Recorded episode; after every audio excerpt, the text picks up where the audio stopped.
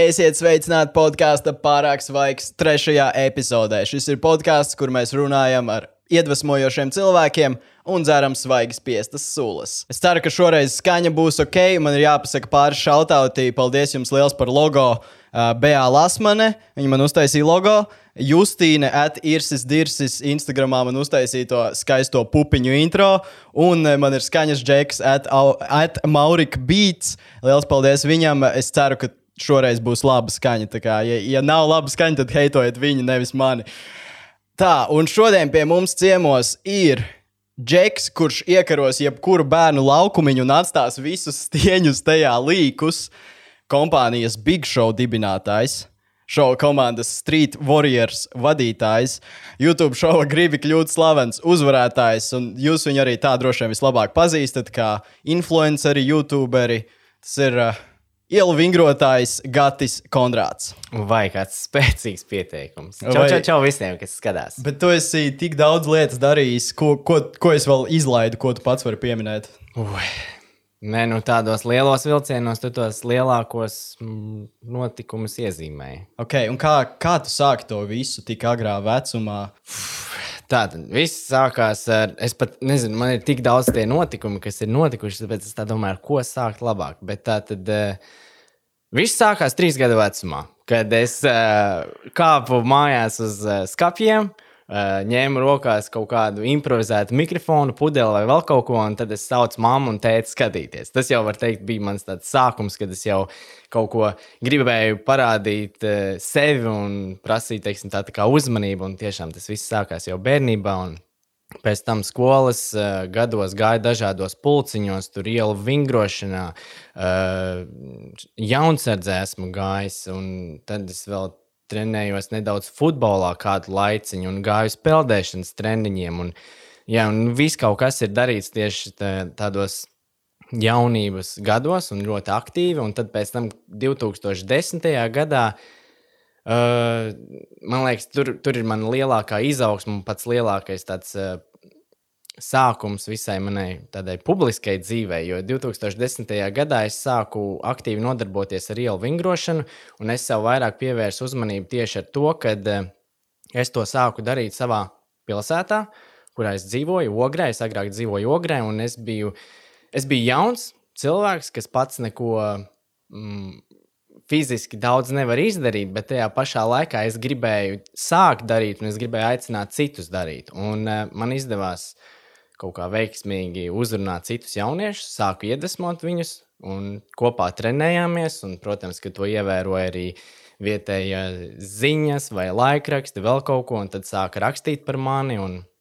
Tā sākās, teiksim, manas tās gaitas vispār um, šajā visā. Tā tad uh, dzīves šaumenis, pēc tam arī sāk nodarboties ar sportu.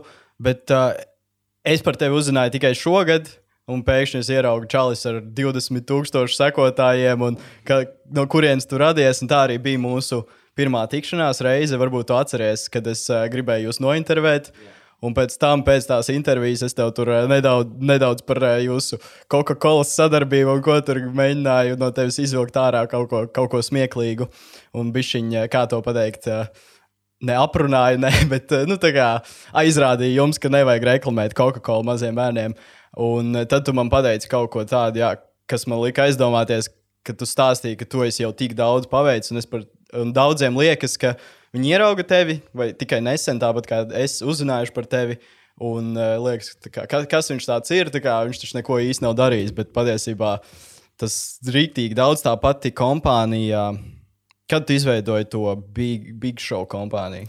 Tas Sie, bija pirmais. Jā, ne? nē, pirmais, eh, ko es vispār dibināju un izveidoju, bija biedrība Street Aha. Warriors. Ah, tas bija vēl pirms. Jā, un tas, okay. tas bija 2013. gadā. Un, uh, Jā, labs laiks pagājis. Pavasarī laikam sanāk, tagad jau septiņi gadi būs kopš mēs nodibinājām šo biedrību. Bet Sijā Big Show ir divi vai divi ar pus gadi jau sen. Okay. Tad jūs sākāt šovus uh, rādīt, un tad sapratāt, varētu tādu lielāku kompāniju ap šo visu izveidot. Jā, nu tas, Visu. kad, kad mēs sākām šos šovus, mums uh, mums nebija galvā tā doma, tāda, ka mēs gribam ļoti daudz naudas pelnīt. Mums bija doma tāda, ka mēs gribam sev parādīt. Un tās pirmās vietas, kur mēs braucām uzstāties, bija lielākoties skolas. Mēs braucām uz skolām. Un tad tā nauda arī, ko mums skaitīja, nu, lielākoties bija, lai uzturētu šo biedrību un ceļa izdevumu. Bet, nu, laikam ejot uz priekšu, mēs sapratām arī, ka mēs gribam šo visu attīstīt par tādu mūsu kā darbiņu. Un tad es sapratu, ka no biedrības ir jāpāriet arī uz SIA. Mm -hmm. Bet tu esi arī minējis uh, intervijā, ko es lasīju, ka tu nedari neko naudas dēļ, ka tas vienkārši for fun to sāki? Nu, vai tā joprojām ir? Nu, lielākoties, jā. Nu, es esmu arī teicis, ka uh, ir jādara tas, ko tu būtu gatavs darīt tad, ja tev par to nemaksātu naudu. Un mm. es cenšos ar šādu moto dzīves dzīvot arī. Bet uh, tāpat tās uh, tev ir bijušas daudz sadarbības, par kurām maksā naudu, un vai tu arī esi kādreiz piekritis kādai sadarbībai, kur tikai naudas dēļ? Um, nu jā, sadarbības ir daudz un dažādas, bet vienmēr pirms es pieņemu šo sadarbības piedāvājumu es izdomāju, vai tas ir priekš manis, vai tas atbilst manām vērtībām, un tad es saku, jā. Un uh, es nevaru teikt, ka ir bijusi kāda sadarbība, kur es esmu darījis tikai dēļ naudas. Viss mm -hmm. lielākoties, visi produkti, kurus es esmu reklamējis, man pašam patīk, vai ir gribējies tieši viņus izmēģināt. Jā. Arī, arī merchants ir, to es saprotu. Tu man iepriekš minēji, ka tu Jā. arī īsti nenopelni daudz no tā. Jā, nu, mums ir savs Street Warriors merch, kuru mums pārdod uh, mūsu labs komandas draugs Aivis. Viņš tieši tagad arī ir izveidojis mājaslapu čiekurs.lv, kur tiek tirgot mūsu krekliņi. Un jā, kā jau minēju, mēs paši no tā daudz nepelnām, bet mums ir ļoti liels prieks, ka uh, jaunieši un citi atbalsta to mūsu kustību un mūsu komandu, valkājot uh, drēbes ar mūsu iniciāļiem. Mm -hmm. Okay, uh, par to mēs vēl parunāsim, par to, ko jūs darat tagad ar jauniešiem. Tas man liekas superīgi. Bet uh, par tiem sekotājiem Instagram, kurā brīdī tas viss uh, nokļuva līdz tam, ka tev sāka piesakot cilvēki, kurā brīdī tu kļuvi teikt, atpazīstams un slavens? Vai to momentu ir baigi grūti noķert. Es nezinu, kurš ir bijis tas moments. Jā, nu Vai es... tu gaidīji, ka kaut kas tāds? Nē, īstenībā nē. Nu, jā, nu kā, kā man vispār iesākās mans Instagram un kā es tiku līdz pirmajiem tūkstošiem, tas bija pa lielam, tāpēc, ka uh, es fotografēju akrobātiskos trikus un liku iekšā viņus savā Instagram kontā, bet tas pat lielākoties nebija tāpēc, lai dabūtu daudz sirsniņas vai, vai, vai dabūtu šos sadarbības piedāvājumus, jo tajā laikā arī, kad es to visu sāku gadīt darīt, šāda influenceri vai vispār šāda lieta, ka tev par Instagram varētu maksāt, nemaz nebija. Tad es to visu darīju prieka pēc, man tas patika, un es liku ļoti daudz bildes ar akrobātiku. Ja, ja patinu uz leju, manā Instagram kontā var redzēt ļoti daudz un dažādi triki. Kā, kā tu teici, influenceris? Influence. es nevaru piedot. Katru reizi, pirmo reizi, kad es dzirdēju, ka tu šo saki, eh, man bija tāds, kāpēc viņš saka influenceris. Tu, Kā, tu esi kādu citu dzirdējis, kas saka, influence. Ne, kā, tas uzsvars uz uburta. Es nezinu, tas saka kaut kā interesantāk kā citiem. Jā, tā kā es parasti saku, influenceris, tev uzsvars ir uz iburta. Influenceris. Labi, turpini. Nu jā, es sāku likt šīs bildes, un tad pienāca tāds brīdis, kad uh, Un cilvēki sāk rakstīt arī, tu, tu iedvesmo ar saviem trikiem, un, un mēs mēģinām atkārtot mājās šos trikus. Man bija tāds, oh, ļoti forši. Un es tikai turpināju likt, likt, likt. Nu, tā kaut kā tie sekotāji arī savācās vairāk. Protams, viens brīdis pienāk tāds, kad uh, tu saproti, ka tu nevari vairs tik daudz laika veltīt, lai tik bieži ieliktu varbūt bildes ar akrobātiku un parādās vēl citas intereses. Līdz ar to teikt, varbūt pēdējā laikā, tāpēc manā Instagram kontā ir mazāk uh, akrobātikas triku bilžu tieši. Bet jums ir video daudz akrobātikas. Jā, bet... tas jau arī nekur nav pazudis. Mēs esam pārgājuši vairāk uz YouTube, un uh, arī viens no tādiem mūsu lielākajiem jaunumiem mēs mēs Tagad septembrī Rīgā atvērām savu sporta zāli, kur mēs ne tikai paši trenējamies, bet trenējam arī citus. Un mēs esam uztaisījuši vēl vienu šovu komandu, kur uh, arī pavisam drīz startēs jau šovos un varēs redzēt. Un mums ir vēl viena treniņa grupa, kur mēs jauniešiem mācām akrobātiku un dēļas. Un starp citu, tām arī ir aicināts ik viens. Arī tie, kas skatās šo bez vecuma ierobežojumiem, var nākt pie mums trenēties. Tā, tas ir arī. Uh jūsu telpas sanāk? Tā viss, kā jūs nu, īrējat, jums mē- pieder kāds Mēs, strādā? mēs šīs telpas īrējam, bet nu, telpas ir uh, ar mūsu inventāru. Un, Mm. Un tad un... arī izīrēt tālāk, citiem ir pieejams. Es skatījos. E, Jā, jā, tad, kad, jo, protams, kad mums tie treniņi nav tik daudz. Nu, mēs, mēs telpas īrējam nevis pa stundām, mēs telpas īrējam ilgtermiņā, ka viņas, mēs varam iet uz viņām, kad vien vēlamies, bet tajos brīžos, kad tur nenotiek treniņi, mēs mēģinām piepildīt arī ar kādiem citiem aktīvistiem, kas vēlas īrēt. Nice. Tā ir lieta, kas jāmāk, man liekas, un to es ļoti apbrīnoju par tevi. Tu māki pārvērst arī visu, ko tu dari, kas tev aizrauj par kaut kādu veidu ienākumiem. Arī tā, ka tev Jā. tas nodrošina. Nu, mēs tevi. dzīvojam tādā pasaulē, kur, nu, lai kā tu gribētu, un tu nevari bez naudas. Tieši tā, vienkārši. es piekrītu. Jā, Es il, ilgi esmu cerējis un sapņojis par to, ka kaut kad es varētu dzīvot tādā sabiedrībā, kur nauda nav tik svarīga, bet tomēr tā pagaidām vēl neticu, ka tuvākajā laikā. to ir tik grūti arī paskaidrot, jo arī es arī saku, kā, nu, na, es nedaru neko dēļ naudas, bet tajā pašā laikā viss, ko es daru, ir par naudu. Un tas sanāk. Kur ir tā robeža? Jā, nu, kaut kā, Kur tur- ir tā robeža? Pieņemsim, kādas reklāmas tu, ne, ko tu nereklamētu Instagram? Tev ir, Ā. tu atsaki arī piedāvājumiem. Nu, es atsaku, es atsaku piedāvājumu, kas liekas, nu, kaut kā, nu, galīgi, nu, kad nu, ne, nepaķēksi, ka tas nav priekš manis. Nu, es nezinu, pieņemsim, liktu man reklamēt, eh, nezinu, kaut kādas santehnikas preces vai, vai, vai kaut ko tādu. Nu, man ir tāds, nu, Tas ir Coca-Cola. nē, Coca-Cola, tas, tas, tā, tā, tā ir cita tēma. Labi, labi. Jā, bet starp citu, Coca-Cola arī. e- Es tā kā viņi nereklamēju dēļ naudas, bet man vispār šis te brands kā tāds patīk, un man pašam kola garšo. Un, un es zinu, ka tas nav super arī veselīgi, bet nu, ir tā, ka nu, dzīvē Balans. Tu Jā. dari veselīgas lietas, tu dari arī neveselīgas Jā, lietas. Tas tā ir mana melnā puse. Um, tu esi arī strādājis kādā normālā darbā. mm, godīgi sakot, laikam nē. Jā, jo man ir līdzīgi, es esmu maksimums divas nedēļas noturējies parastā. Jā, darbā. nu, vienīgais laiks, kad es biju tādā normālā darbā, man liekas, bija, kad es skolā gāju praksi. Un tad es eh, veikaliņā tur, tur atnācu atzīmēties. Nu, es arī dažus brīžus tur pie kases aparāta pastāvēju. Jā, nu, kaut kā tā. Bet nu, tas bija kaut kādas divas, trīs nedēļas, un es tur pat īsti tā kā oficiāli nestrādāju, par to nesņēmu naudu. Līdz ar to es vairāk uzskatu, ka tā bija tā praksa. Mm, okay. Tad tev, tu varētu tagad strādāt normālā darbā, ja tev pēkšņi liktu. Nu, grūti spriest. Es jau saku, ka es esmu tāda radoša personība, kura nevar izturēt rutīnu un tā tālāk. Bet arī šajā vidē un viss tas, ko es daru, reizēm gribās kaut būtu rutīna, kaut bišķiņa. Tāpēc, kad ir tāds, ka nu, viss ir tādā haosā, tu nezini, kur tu būsi pat šodien, ko tu darīsi šodien vakarā, ko darīsi rīt, un, un cik tu beig, beigās mēneša, mēneša beigās, cik tu nopelnīsi. Un to nekad nevar zināt. Un tad reizēm arī pietrūkst šī te, Jā, stabilitāte un rutīna. Jā, bet to, to, tas man arī pietrūka, kad es sāku visu, ko es šobrīd daru, bet tad es sapratu, ka es varu to pats to savu rutīnu izveidot. Tātad, Nu, tas, tas, tas arī nav ierobežojums. Tu vari izveidot, kā tev vērtāk, piemēram, celties, kad tu gribi. Rutīna ir svarīga, bet to var arī pielāgot. un Tas, tas ir forši. Bet par naudu, par maksāšanu tādā ziņā, jā, tas, tas nav patīkami, kad tu gaidi, kā, ka tev būs nauda, un tad kompānija neatsūta vēl, un tad tu gaidi, gaidi. un Tad, jā, es tiek kādu laiciņu bez, vai cer, cerams, ka tev ir kāda iekrājuma. jā. Jā. Tu esi darījis, kā jau mēs te minējām iepriekš, ļoti daudz lietas, vai visas lietas, ko tu esi uzsācis, tev ir arī izdevušās. Mm, gribētos teikt, ka jā. Viss, nav, nav kaut kas, kāds projekts izgāzies pilnībā.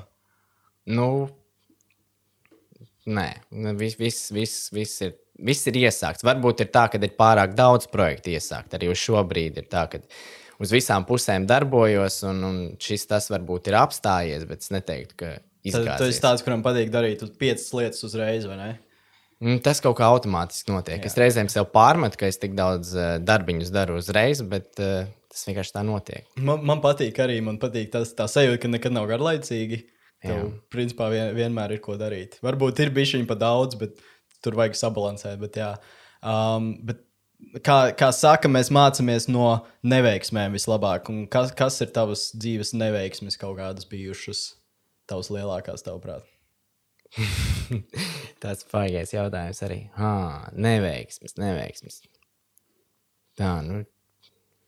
es nezinu, es sajūtu, ka viss tiešām notiek baigi veiksmīgi. Tad varbūt tu vienkārši saskati pozitīvo visu. Jā, es, Jā. es arī es tiešām esmu tāds rīktīgi smaidīgs. Čalis pa tur. dzīvi, un ir tāds, ka, ir, nezinu, varbūt no malas skatās, ah, ko viņš tur lieto. Es arī gribu tā baigi labi.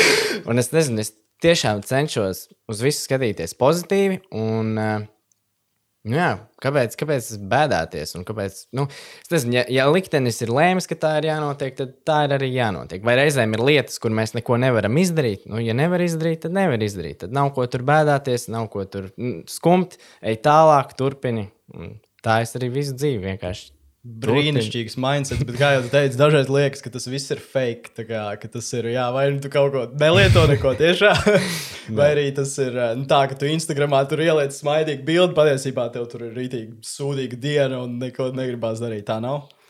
Ja tu jau arī nerādi pārāk daudz no savas privātās dzīves, jā, nu, tīklos. Bet tiešām es tik, ne, nu, pozitīvs pa dzīvi. Es arī pa dzīvi esmu, man liekas, smaidīgs. Kā, vis, vispār cilvēks saka, ir grūti iedomāties, kāds esmu dusmīgs. Bet tie, kas ir izbaudījuši, kā es dusmojos, saka, oi, tas Jā. ir traki. es esmu tevi redzējis tavā flow modā, tajā zonā, kad tu esi iekšā, kad tu filmēji video, kad mēs kopā filmējām jā. to. to. À, tad, tad, jā, tad, tad Tas bija, bija interesanti, jo tev bija. Es, es nesaprotu, kā tev galva strādā. Tev visu mēģina atcerēties, un tu kon koncentrējies tikai uz vienu lietu, un tagad tā, filmējam šo, tā, tā kā robots nedaudz pārvērties. Jā, bet, eh, bet nu. nē, tas ir reāli iespaidīgi. Man, es zinu, ka man arī tā ir. Es vienkārši to no malas nepiefiksēju. Jā, nē, nu, zini, kā, redzes, pats ar saku, es esmu smaidīgs un Jā. foršs, bet varbūt tajā pašā laikā ir tie brīži, kad es esmu kad es uzdodu, vai arī varbūt tāds nejauks, bet jā, jā. pārējie baidās to pateikt.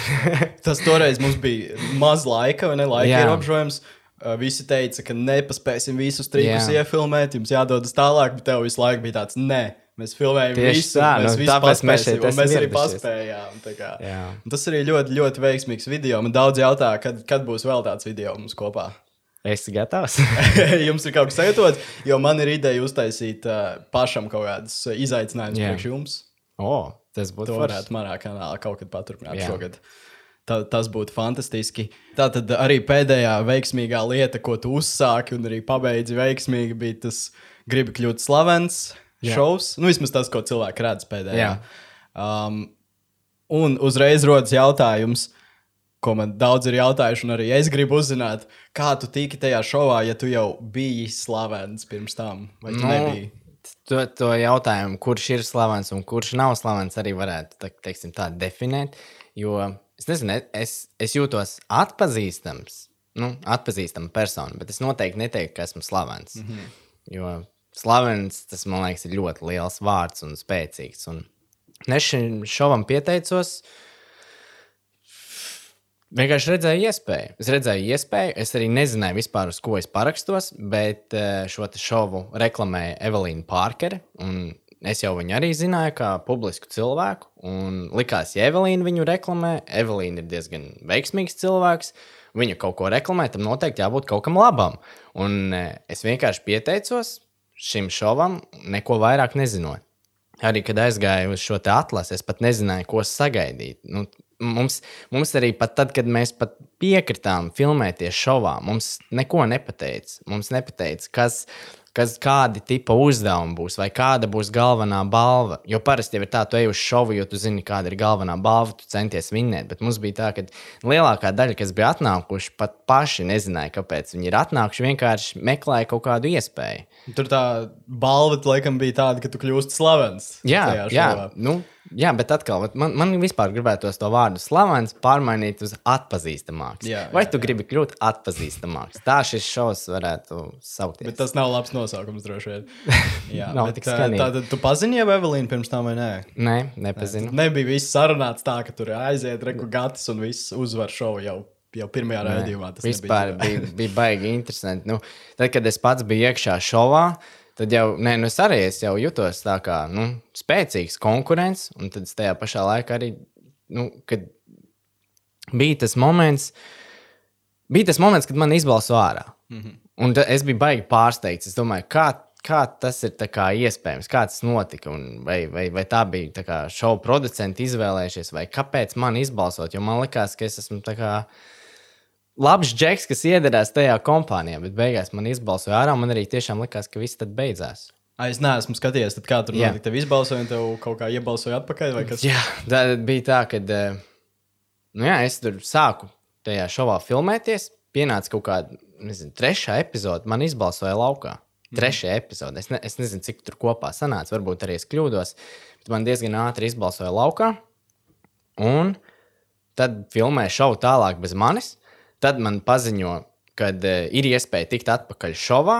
Un uh, skatītāji var balsot ar laikiem YouTube, kuri, nu, kuru viņi vēlās kā, iegūt atpakaļ. Un es vēl domāju, nebūtu īsti korekti, ja es tagad ar visiem saviem sekotājiem, kas man ir Instagram, tur bliestu, visi balsojam par mani, man vajag tikt atpakaļ šovā un tā. Tāpēc, ka es zināju, ka citiem nav tik liela sekotāja bāze. Tāpēc es domāju, ka korekti būs darīt tā, ka es savā Instagramā vispār to nereklamēju. Un es arī vispār šo balsošanu centos nereklamēt. Man liekas, vispār es viņu nekur nepieminēju, un es pat draugiem neteicu, lai balso par mani. Tāpēc balsoja tik tiešām tie skatītāji, kas to šovu arī skatījās, un viņi nolēma, ka man iebalso atpakaļ. Bet tad, kad man iebalso atpakaļ, es jau arī nezināju, uz, uz ko es tagad esmu iebalsots, kas mani sagaida. Jo mums visu laiku nekas netika teikts priekšā, un beigās paziņo to, ka es esmu iebalsots finālā. Kā, un ir tāds, ok, labi, es esmu finālā. Un tad, eh, labi, es domāju, nu, gan jau būs kāds fināla uzdevums, bet tad es atnāku uz finālu, un fināla uzdevuma reāli īsti nav. Fināla uzdevums bija tāds, ka es ierodos, un mums četriem finālistiem ir jāizlemj vienkārši, kurš ir uzvarējis. Tas bija arī viss. Un tad bija beigās tā, ka, nu, protams, katrs kaut ko tur saka, kaut ko tur aizstāvās, kur, kurš būtu pelnījis uzvarēt. Nu, es jau arī nu, saprotu, ka tur jāuztais nedaudz šausmas. Es arī tur saku, es arī esmu pelnījis uzvarēt, un viss tā kā notiek. Beigās nevar, nu, es saku, nu, ai, lai uzvarā Amūna Deivis. Ja? Tā Kā, lai ir. Un es saprotu, nu, visu, nu, man, nav, man nav šis tituls, un, un nebūs autiņš, un nu, viss es jau samierinos. Un tad pēkšņi paziņo to, ka skatītāji izlems. Nu, un skatītāji balso komentāros, un paziņo, ka tu esi uzvarējis. Urā! Un tu atkal nekur nereklamēji, un tu tikai atpakaļ, un beigās sekotāji arī tevi uz iebalsoja. Jā, kā tur notika, tur notika tiešraide, un tiešraidē vajadzēja skatīties, un, un balsoja. Un... Bet nu, tas viss, tas, es nezinu, tas viss baigi dīvaini kopumā. Jo padomā pats, es tur tiešām bišķiņu pafilmēju, es tam man izbalso ārā, man iebalso finālā, un tad paziņo, ka esmu uzvarējis. Un tā, tā, tā vispār tā sajūta, ka nu, tu uzvari. Arī ir tādi pārējie dalībnieki apvainojas uz mani. Es jau neko sliktu negribēju. Un tad uh, arī vispār šova organizatori arī nebija tā, ka tur eh, šauja konfeti, tur ar šampānieti. Bet, kad šovs pabeidzās, bija tāds sajūta, kameras izslēdz, uh, viss pa mājām, gatavi rekur mini kūpera atslēgas, brauc, čau. Vai tev ir sajūta, ka tu esi uzvarējis tagad? Nu, Vai tu jūties kā uzvarētājs? Nu, protams, savā ziņā kā uzvarētājs es jūtos, jo man ir automašīna, mini kūpera, ar ko es teiktu, var ikdienā braukt, bet noteikti nebija. arī šeit atbrauc ar to? Nē, es atbraucu šodien ar citu automašīnu. Bet, uh, jā, nu katrā ziņā ir forša sajūta. Nu, ir forša sajūta kā uzvarētājiem, bet pavisam noteikti nav šī sajūta, ka, o, man ir tituls. Es esmu gribi kļūt slavens, 2019 uzvarētājs. Es to pat arī es nekur nepieminu. Un, ja tu nebūtu uzvarējis, ko, kurš dalībnieks tavuprāt uh, uzvarēja? Kur, kurš bija tavs favorīts? Mans favorīts bija Amons Dēļ. Jā, jā, to jau teicu. Okay. jā. Nice. Bet tiešām tas, tas puisis arī, viņš ir rīktīgi blieži, viņš ir baigais maksimālists. Es nezinu, katram, zin kā, par otru cilvēku rodas iespējas no sociālajiem tīkliem vai YouTube vai vēl kaut kur, bet, nu, tad, kad tu iepazīsti otru cilvēku, tu parunājies, tu saproti, ka pavisam cits cilvēks, Protams. sakarīgs, sakarīgs čalis, un tāpat arī Amons Deivis. tā. Tā, tā ir ļoti bieži.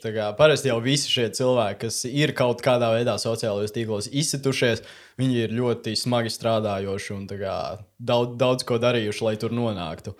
Un nevienmēr mēs to visu redzam, bet tā pārsvarā ir. Um, Jā. par to mašīnu, mini Cooperu. Jums tur ir kaut kāda logo virsū. Jā, tagad, ta, jums obligāti viņi tur jāpatur, vai arī viņus drīkst noņemt no stūra? Nē, par, par, par šiem te logo arī nebija nekādi striktie noteikumi. Mm. Šovs beidzās, tik līdz automašīna tika pārrakstīta manā īpašumā. Es nolīmēju nost uzlīmes. Un, Ah, tu jau noņēmi. Jā, uz, uzreiz tagad. un uzlīmēju Street Warriors uz Ok. okay. sāniem. Tā kā Nice, nice. rīktīgi smuki. Tagad jums tikai Street Warriors Jā. uzlīme tur stāv. Ah, man liekas, ka tur ir vēl vairākas. Okay. Fact check gone wrong. Mums nav reklāmas, bet uh, Es mēģināšu sarunāt sadarbību ar uh, vai no šo kompāniju, ar Love Fresh. Um, viņi arī svaigi spiež tās sulas uz vietas, ja grib pēc pasūtījuma. Um, man nebija kur ieliet. Tādēļ es paņēmu jau gatavus pudelītēs. Par um, atkal atgriežoties pie tā, kā tu visu sāki. Um, pārsvarā viss ir saistīts ar sportu, ielu vingrošanu, vai tu teiktu, ka tieši sportošana ir tavs veiksmes noslēpums? Hmm. Sports. Jā, nu, tā savā ziņā ir. Sports man ir iebīdījis tur, kur es esmu šodien. Jo viss man aizsākās ar ielu vingrošanu, tad mēs sākām uzstāties. Tad, kad mēs braucām uzstāties, tad man vajadzēja ņemt rokās arī mikrofonu, vajadzēja pieteikt mūsu priekšnesumu. Un tad jau tā pieteikšana pārgāja tādos nopietnākos pasākumos, un uh, bija viena vien tāda liktenīga diena, kad man piezvanīja un teica, ej, Gati, tu vari novadīt bērnu ballīti. Un man bija tāds, nekad neesmu vadījis bērnu ballītes. A, cik maksā? Bet tā, tev nav arī izglītība pasākumu vadīšanā. nē, nē, nē, nav, nav. nav. Tev nav Bet, eh, augstskolas izglītība vispār. Vai? Augstskolas izglītība arī nav. Bet, nu jā, tad vienā dienā man piezvana un piedāvā bērnu ballīti vadīt. Es domāju, nu, forši iespēja atkal sev pierādīt kaut kur, un es, es braucu. Kā jau teicu, gandrīz vienmēr dzīvē saku, jā. Nē, es nevis vienmēr, bet es vienmēr saku, jā, nu, reti gan es saku, nē, sliktām sadarbībām. nu, jā, un, un šī te bērnu ballīte bija tā liktenīgā, kas manī iegrieza šajā te pasākuma vadīšanā. Jo es sāku vadīt aktīvu bērnu ballītes, tad, kad jau es piešāvos un jutos diezgan labs šajā jomā, es sāku ņemt nedaudz savādākus pasākumus. Pieaugušo dzimšanas dienas, sporta spēles, kādus pilsētas svētkus, un tad tagad es esmu riktīgi šajā nozarē iekšā. Es pat kāzas vadu. Mm -hmm. Tad tas Tu netaisies precēties? Tuvākajā laikā, nē. Jā, bet ja, ja kas tad? Ja kas es tev piesdīšu, jā. Tev, tev ir arī, tu arī uh, kā mācītājs, nē, vai Nē, ne? tad tur, tur arī Tu vajag kaut kāds papīrs. Tur vajag Bet Tie, tie papīrs. tev nav vēl nokārtot. Nē, bet es pat nezinu, vai tas ir tik vienkārši. Es par to neesmu painteresējies. Es nezinu, kā ir Latvijā, bet, nu, Amerikā, mērā, var redzēt, ka tur cilvēki kā iziet kaut kādā internetā testiņu, un Nē, nu, tur ir jā, tur- certificēts, uh, var salālāt cilvēku. Ku, kuģa kapteiņi, man liekas. jā. Uh, bet uh, arī tas uh, sportošana, es domāju, kā mēs iepriekš runājām, tu esi tāds super priecīgs par dzīvi, un sports arī dod to mentālo Laimes fitnesu, kā teikt, laimes hormonu izdalās. Kā Tas, tas arī kā, kāds tev ir vispār treniņu grafiks izdo, ikdienā? Mm, tagad ir tā, ka tas, eh, tie treniņi ir palikuši nedaudz slinkāki. Agrāk tas bija tā, ka katru dienu, tad tagad ir trīs reizes nedēļā trenējos. un Tad sestdien, svētdien pa šoviem. Un īstenībā katrs šovs arī ir tāds fiziska, fiziska piepūle, mm -hmm. treniņš. Tad uh, jūs tikai kopā trenējaties visi. Jā, mēs trenējamies. Jā, mēs trenējamies kopā. Un, nu, šad, tad, kad uznāk iedvesma, tad mājās patrenējas vai iziet ārā pie piemājas laukuma. Tad, kad tu sāki vadīt tos pasākumus, uh, tu saprati, ka oh, es varētu iesaistīt arī akrobātikas trikus tur iekšā, vai kā, kā, tas, kā tas strādā. Mm -hmm. nu, tā tad mēs, mēs sākām ar to ielu vingrošanu. Mēs uh, rādījām priekšnesumus, kas bija tikai no ielu vingrošanas elementiem. Un es teicu, ka sākumā es vienkārši pieteicu Jā. Šos priekšnesumus.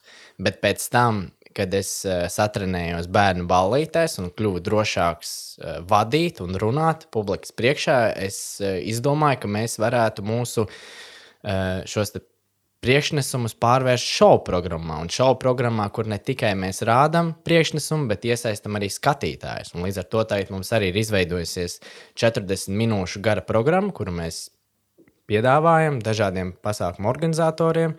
Braucam, parādām priekšnesumu, un īsnībā no šīs mm, šovu programmas ir apmēram tā. Nu, Uh, 30% mēs kaut ko darām, 70% skatītāji. Tā kā mums vienmēr patīk vairāk iesaistīt skatītājus, tad mēs viņiem lecam pāri vai taisam trikus uz viņiem.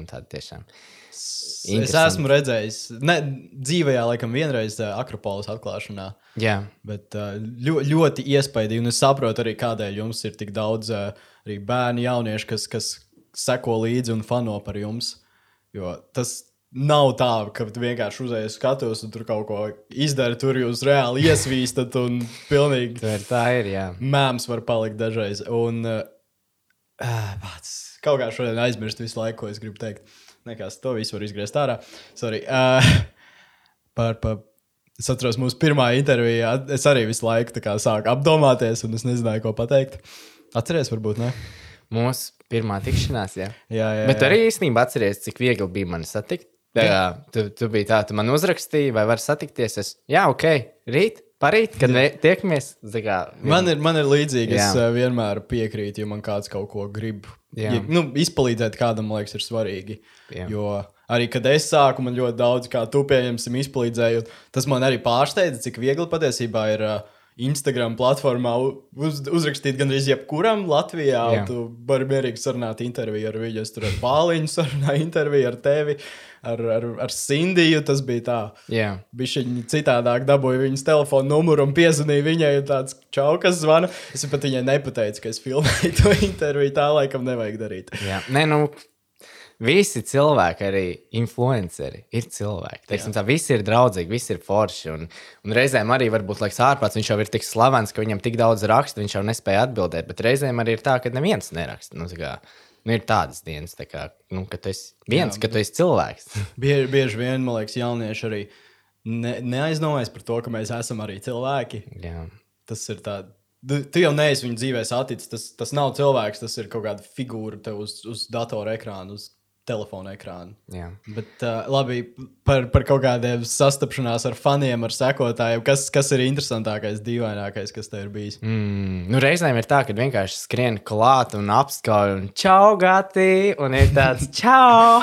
Bet nu, tu jau arī super pozitīvi noteikti to visu iztver. nu, ir īstenībā arī reizēm nu, mm, ne tikai nu, tādi mazie fani, bet arī nu, tādi pieauguši puiši vai vīrieši, jau varētu teikt, pienāk klāt, paspiež roku, čaugati, vai arī tur vispār uzsāk sarunu, kā un kas, un ir tāds. Nu, Es viņu neatceros. Bet play cool, play cool. Jā, es Vienkārši, nu, jā. es vairāk nedomāju, es cilvēku aizmirstu pēc vārdiem ļoti bieži. Es atceros seju, bet tad es mēģinu. Man stāsta kaut ko, es mēģinu atcerēties, kā es tevi pazīstu, kā tevi sauc. Un bieži vien nesanāk atcerēties. Nu, jā, un, un, un reizēm tu pat neko sliktu nu, nevēlies, jā. bet tu tiešām esi kaut kā piemirsies. Jo man arī tā, ka es katru dienu satieku tik daudz Protams, jaunus protams. cilvēkus un jaunas sejas, un man, man vārdi un sejas arī nav stiprā puse. Tev, tev ļoti, tu esi trenējies kaut kādas intervijas taisīt, ne? Nē, vispār nē, un šausmas. Tā kā var ierakstīt YouTube, Gatis Konrāds vairāk kā citi. Tā ir viena no manām pirmajām nopietnējām intervijām, kur man bija 16 gadi, un es sēžu šitā un kaut ko stāstu, un, un ir Tas- tas ārprāts. Tas bija tas, kur komentāros bija rakstīts, iztaisno no muguru gati. Varbūt es nezinu. Es redzēju neesmu- tādu neesmu- komentāru kaut kur šodien. Nē, es skatījies un lasīju teikt komentārus, bet arī nu, visu laiku pārsakies un vēl kaut kā. Un, un, un arī es neteiktu, ka esmu tagad šobrīd ar kaut kāds profesionāls uh, pieredzējis pie intervijām. Es jūtos, es pie mikrofona šādā formātā jūtos neveiklāk, kā es būtu ar mikrofonu rokās uh, tūkstoš cilvēku priekšā. Mm -hmm.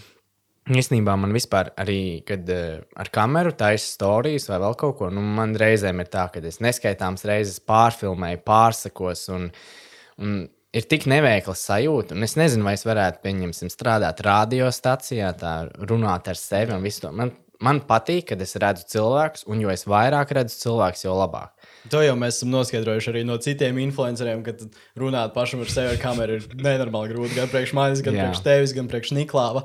Bet par video runājot, kā tu sāki video vispār taisīt, kā tu nonāci līdz YouTube? Hmm, viss sākās ar GoPro. Dzirdēts stāsts. vispār tiešām nopietni. Viss sākās ar GoPro. Un, uh, jā, Trikus arī filmējot. Jā, jo mēs, mēs tieši nu, kā aktīvi ielu vingrotāji, fliperi, vēl kaut kas, visu to gribējām iemūžināt, lai varētu paskatīties. Un tad safilmē, samontē vienkārši kādu video ar saviem labākajiem trikiem.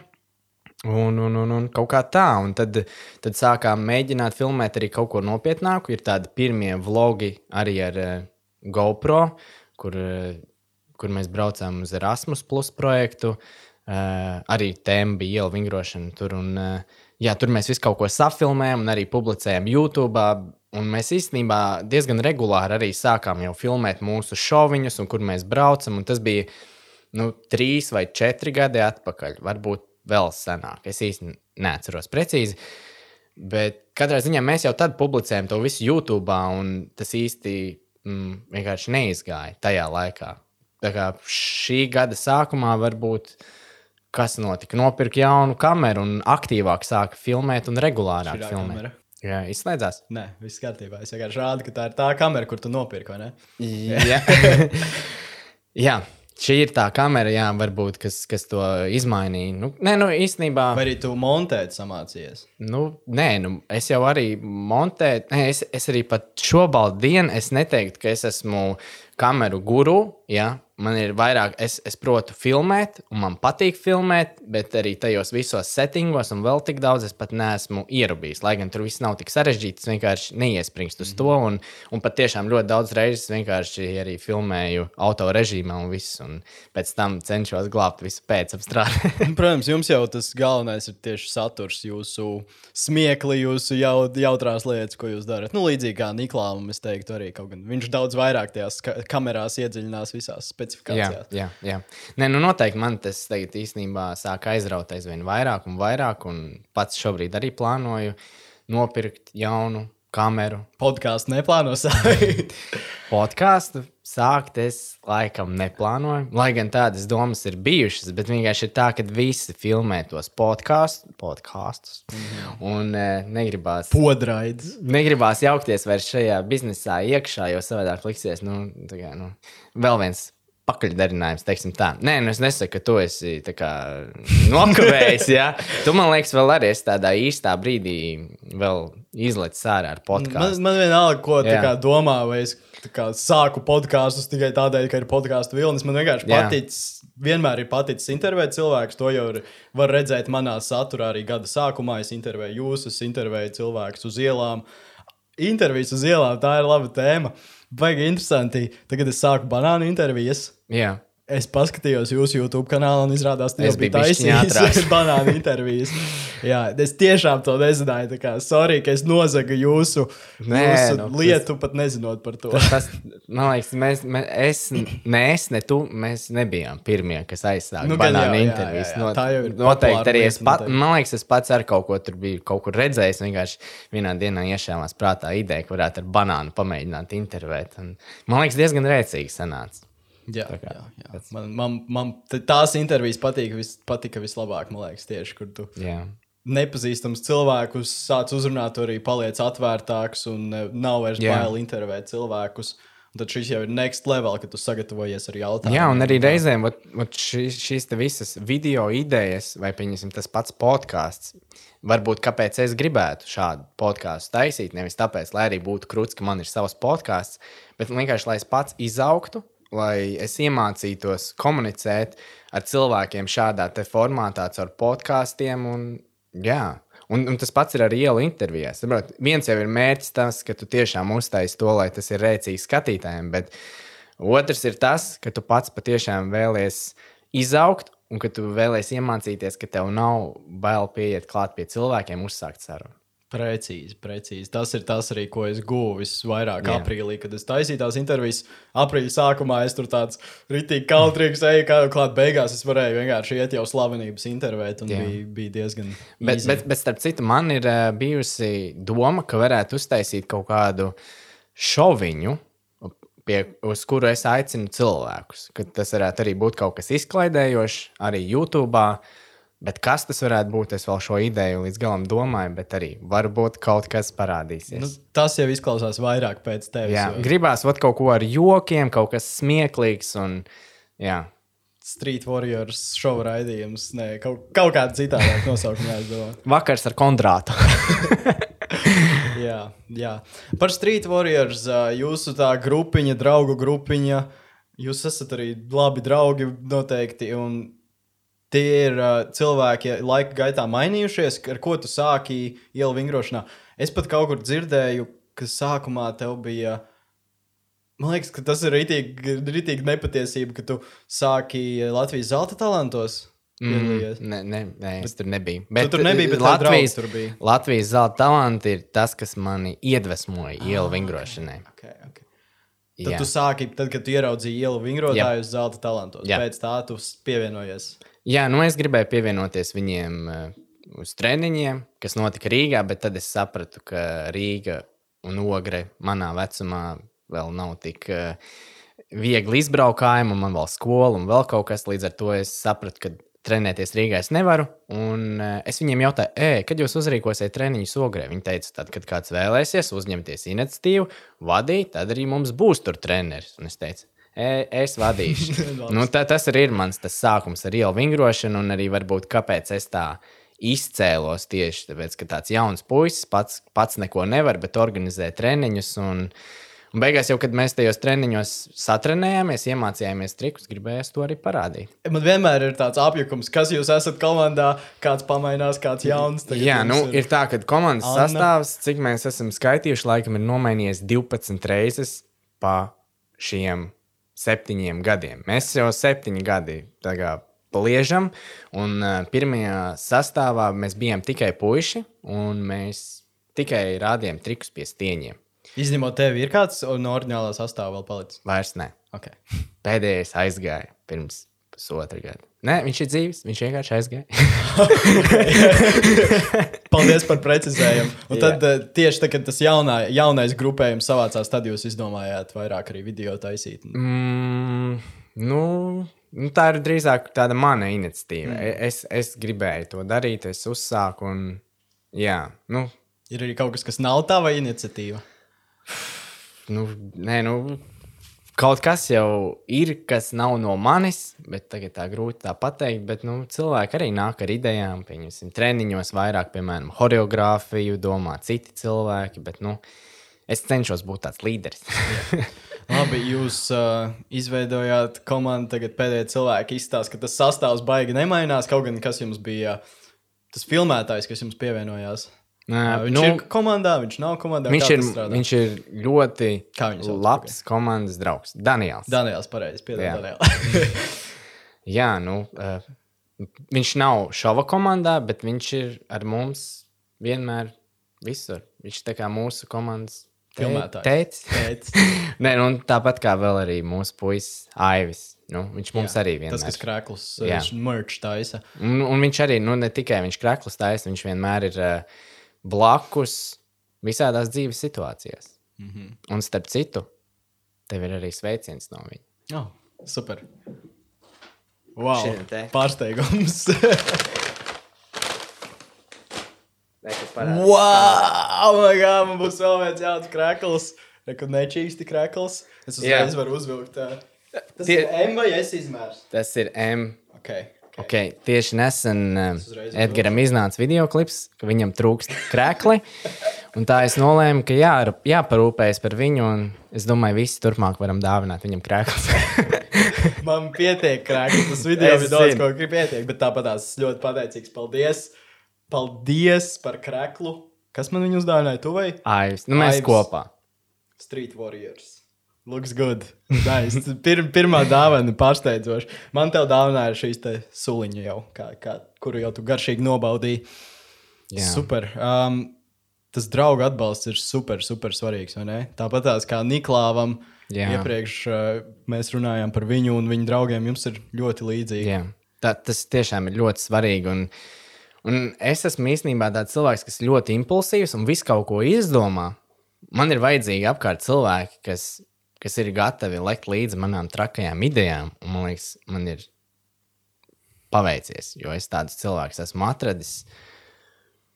Jā. Kā, kādas atziņas tavas svarīgākās dzīves, kā tu nonāci līdz tam, kur tu esi tagad? Kādu padomu tu dotu citiem, kas varbūt sāk tikai šobrīd savu dzīves ceļojumu? Tātad lielākais padoms ir vienmēr teikt, jā, nu, protams, tur ir robežas, ja, bet lielākoties ir jāsaka, jā, visām iespējām, jo katra iespēja tev aizvedīs tālāk un tālāk, un beigās ievirzīs tevi uz tā pareizā ceļa, ko tu arī meklē. Un otrs, nevajag gaidīt īsto brīdi, jo īstais brīdis nekad nepienāks. Es tā vienmēr saku, tā īstais brīdis ir tagad un tūlīt. Tieši tā. Vienkārši sāc, ir tas 5 sekundžu likums. Man ļoti patīk, kad uh, Tu izskaiti līdz 5, 1, 2, 3, un tu vienkārši sāc to, ko tu gribēji darīt. Jā. Tā, tas ir, man liekas, uh, dažreiz vienīgais veids, kā es sev motivēju no gultas piecelties no rīta. Rītī gribās gulēt tālāk, to aizskaitu līdz 5 un piecelies un vienkārši dari tagad. Negā. Un tas arī ļoti labi atspoguļojās tavā stāstā, kā tu minēji. Tu, tev nebija neviena, kas vada tās ogrētās nodarbības, tu vienkārši pats sāki. Jā, es, es pat arī nezināju, ko es parakstos, bet, nu, trenerim vajadzēja, es tur biju. Bet tu savi saukt arī par uzņēmēju. Jā, nu, Jā. pavisam noteikti. Nu, tagad es esmu Sijā Big Show kompānijas dibinātājs un direktors. Un, uh, man īstenībā vēl, vēl blakus visādi projektiņi, arī, kuri, kuri nes naudu iekšā. Piemēram, mm, ar ko es varētu padalīties. Jā, šai, šai pašai firmai, Sijā Big Show, ir mājaslapa bigshow.lv, kurā es cenšos apkopot visādus. Uh, fotogrāfus, pasākumu vadītājus un, nu, principā visu, kas saistās ar pasākumiem. Un, tur pat iluzionu steidžu var atrast ar yep. savu sievu. Yep. Kas par fotogrāfiem tur ir? Fotogrāfijā var pačakot. nu, jā, es, šos, lācis. es šo sarakstu cenšos arī papildināt. Nu, ir tā, ka cilvēki, kuri tur ir pieteikušies mājaslapā, viņi, protams, maksā arī to tāda dalības maksa, lai to visu projektiņu un to visu var uzturēt un arī reklamēt viņus. Un tā, es to kaut kā bīdu uz priekšu. Šis projekts varbūt šobrīd gan man ir nedaudz apstājies, bet arī vēl viens no tādiem blakus projektiem. Jā, tu, ja par to Big Show vispār pirms šodienas es nebiju dzirdējis, ka tāda lieta eksistē. Jā, jā. Nu, to tu tik ļoti nereklamē. Jā. Tā jau ir. Un tā lieta, ko jūs sākāt vasarā, jums ir izveidota jau sava komanda, jūs filmējat video, jums ir daudz sekotāju, fani, un tad jūs arī izdomājāt viņus iesaistīt ar vien aktīvāk, eh, izveidojāt nometni vasarā. Jā, šogad būs otrā daļa. Būs otrā daļa. Gaidat visi, kas grib pieteikties no cik gadu vecuma? No 11 līdz 15 gadu vecumam. Un tagad jūs sākāt tās nodarbības uh, vadīt jauniešiem.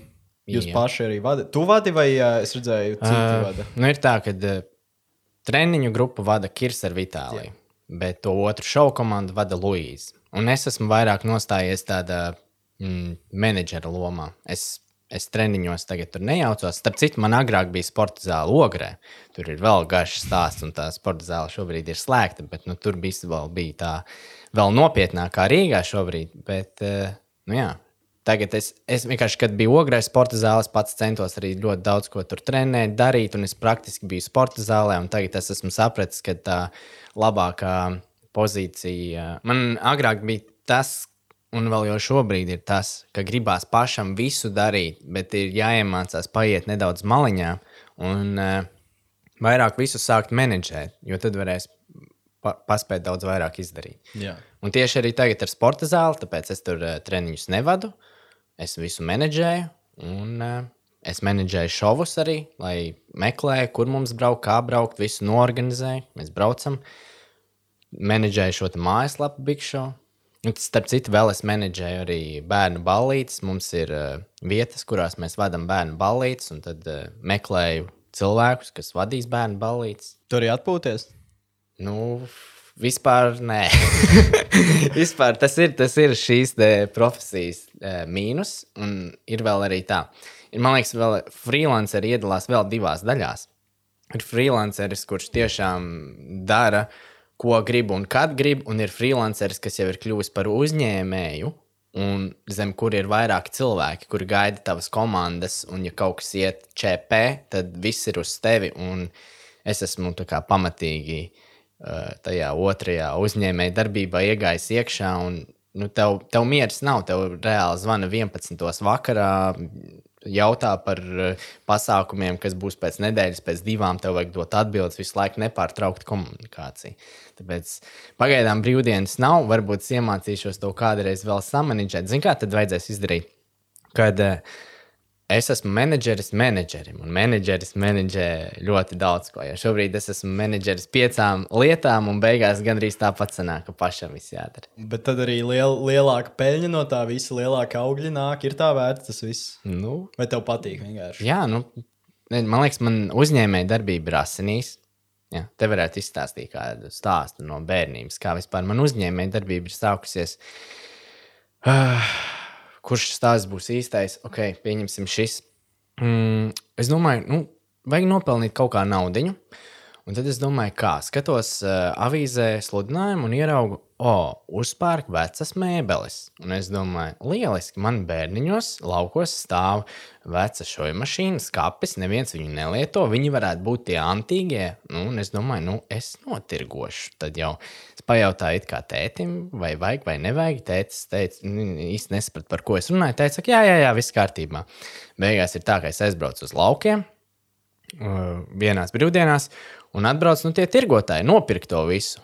Un nāk augšā, ņem to skāpi, ņem to šūnu mašīnu, un vecā māte man ir šokā, kas notiek, uz kurien tiek nesti skāpji. Un, bija tāds, ka es jau visu biju sarunājis, un viss jau tiek pārdots, un nauda jau ir iedota. Bet vecā mātei bija ļoti svarīgs gan tas skāpis, gan šūnu mašīna, bet es jau to paspēju pārdot. Tas bija tāds pirmais stāsts. Cik tev bija gadu toreiz? Kad 11 kaut kur. Okay. Un tad ap to pašu vecumu arī kaut kad bija tā, ka uh, tētim darba kolēģis kaut kur bija dabūjis divas tonnas ar kaķu tolāts smiltiņām. Divas tonnas, ļoti liels daudzums un sapakots pa desmit kilogramiem. Un pa lielam teica, ka ka šīs kaķu smiltiņas nav vajadzīgas. Es nezinu, kur viņš viņas dabūja un kāpēc viņam nav vajadzīgas, bet teica, ja es gribu, es varu notirgot, un ja man izdosies labi notirgot, tad, eh, nu, lai es kaut ko arī kādu procentiņu atmetu viņam par tām kaķu smiltiņām. Nu, tā es sāku tirgot kaut kādā 12 gadu vecumā.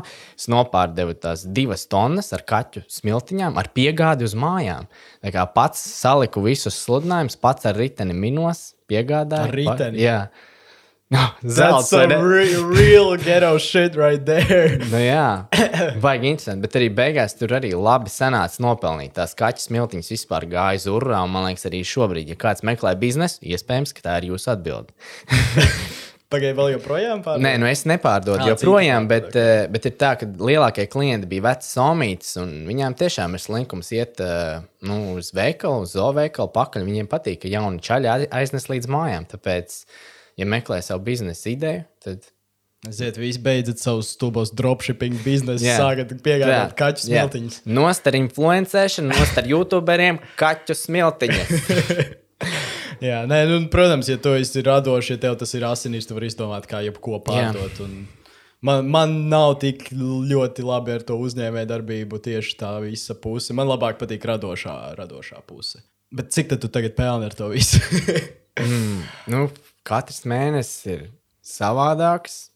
Nu, ir grūti pateikt, ir tādi e, mēneši, kur vajag jostiņu pievilkt, un ir tādi mēneši, kur jostiņu var atlaist. Bet nu, virs 1000 eiro sanāk no visa, visa, visas darbības nopelnīt no 1000 līdz 2000 kaut kur tā.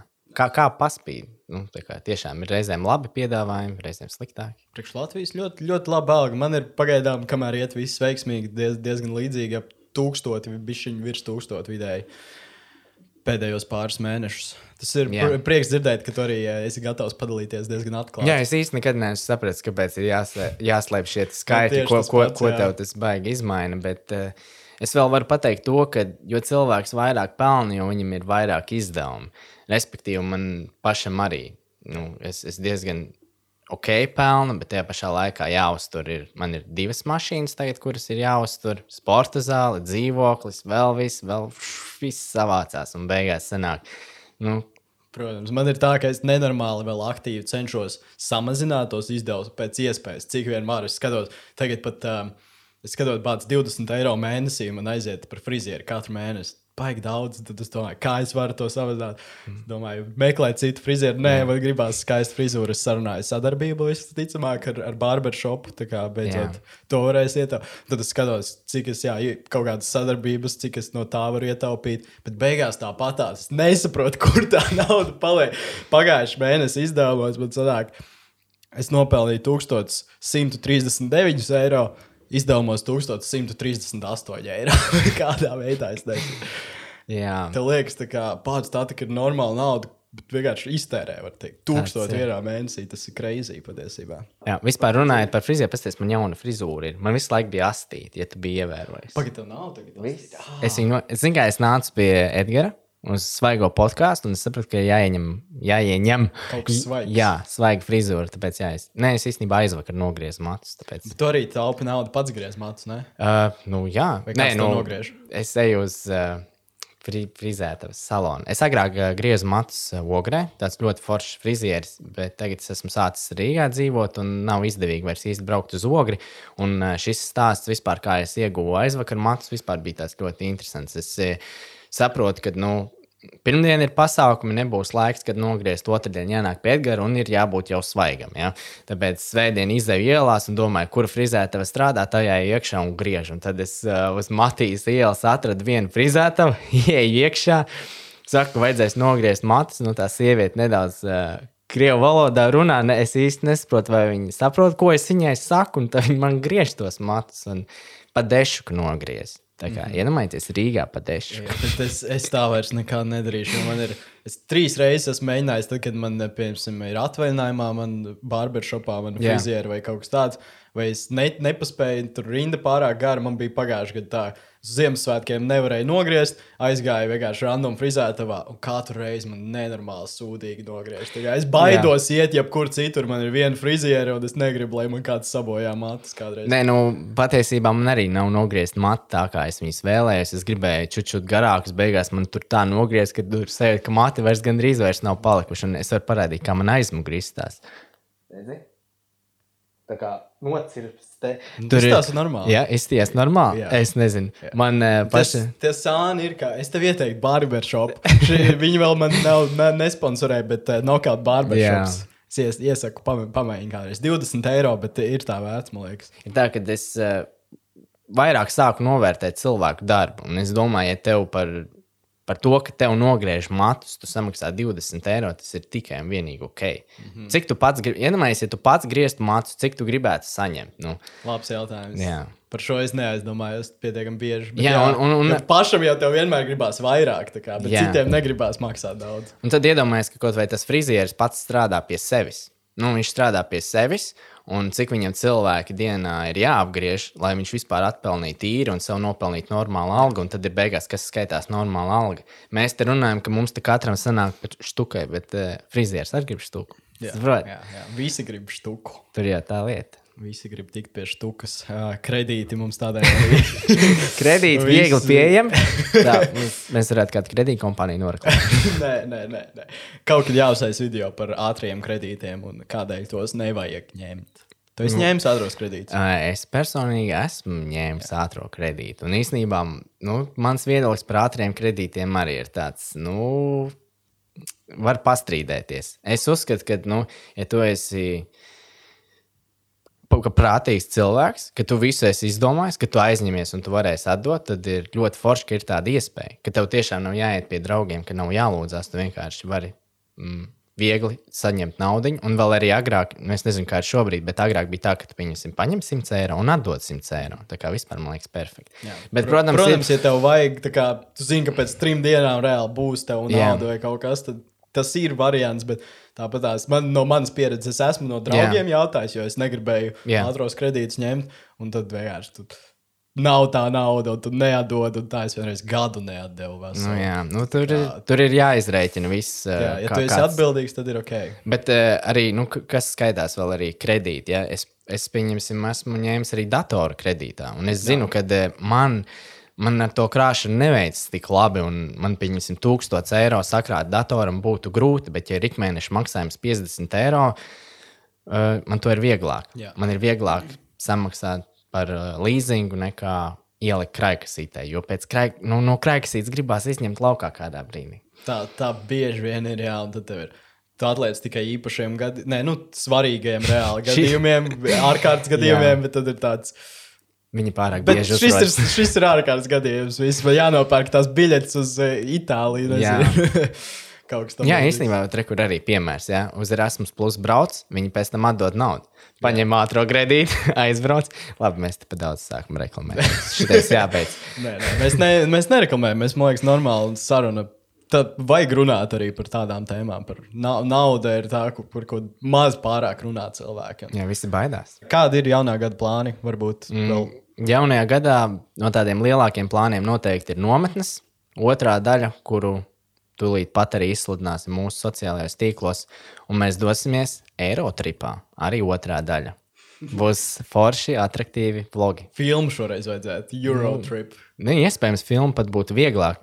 Bet īstenībā, kad mēs tagad arī taisījām, nu, mēs devāmies šajā Eiropas ceļojumā, mēs katru dienu rīktīgi tusējāmies, darījāmies, un mēs katru nakti montējām, un nākamajā rītā izlaidām video. Tas Es bija skatījos, es sekoju. Tas bija tas, ka man patika tie vlogi. Es sekoju līdzi. Bļāviens, es pat nevarēju neko tādu Jā. katru dienu. Labi, jūs vairāk cilvēku montējāt. Jā, mēs, mēs, crazy. jā, mums starp citu arī tur bija sava tā schēma. Uh, divi uh, montē, divi guļ, un tad mēs tā mainījāmies. Tad sanāca- jūs visi iemācījāties arī montēt. Nu, jā, nu, Nice. galvenais jau, kas tajā montāžā ir, ir iemācīties griezt. Bet, kas zina, varbūt tu vēlēsies mums pievienoties uh, uz otro sezonu Eiropas ceļojumam. Varbūt varētu. Un, uh, jā, lai, lai jums ir viss šogad izdodas kopā ar šo programmu, Nometni, Eirotrip. nometnē Eirotrips, varbūt kopā brauksim. Un labi, pēdējais jautājums. Kā, kas jums ar to Luīsu notiek? Kāds jums ir attiecības status? Pag, pag, kāpēc tāds jautājums atstāts? Um, viņa ir mana māsa. nu, labi, labi, es jokoju. Lai tas paliek vēl noslēpumā. nu, cik ilgi jau gadu jūs tur jau bučojaties un nevienam nestāstat? Jā? Tās ir baumas. Tās ir baumas. Jā. Labi, paldies, ka skatījāties šo epizodi. Tiekamies pavisam drīz jau nākamajā. Ja pavisam tu šo klausies Apple podkāstā, nospied piecas zvaigznītes, Spotify, es nezinu, vai var uzlikt reitingu, YouTube noteikti uzspied like. Varbūt iekomentē, kādu viesi tu vēl gribi redzēt, jo šo patiesībā es gati pat neiedomājos sākumā uzaicināt, bet viņi man kāds no komentāros vai Instagramā uzrakstīja. Tā kā jā, jūs arī izvēlaties, kas šeit būs pa cilvēkiem. Paldies, tev liels gati! Atā! Čau!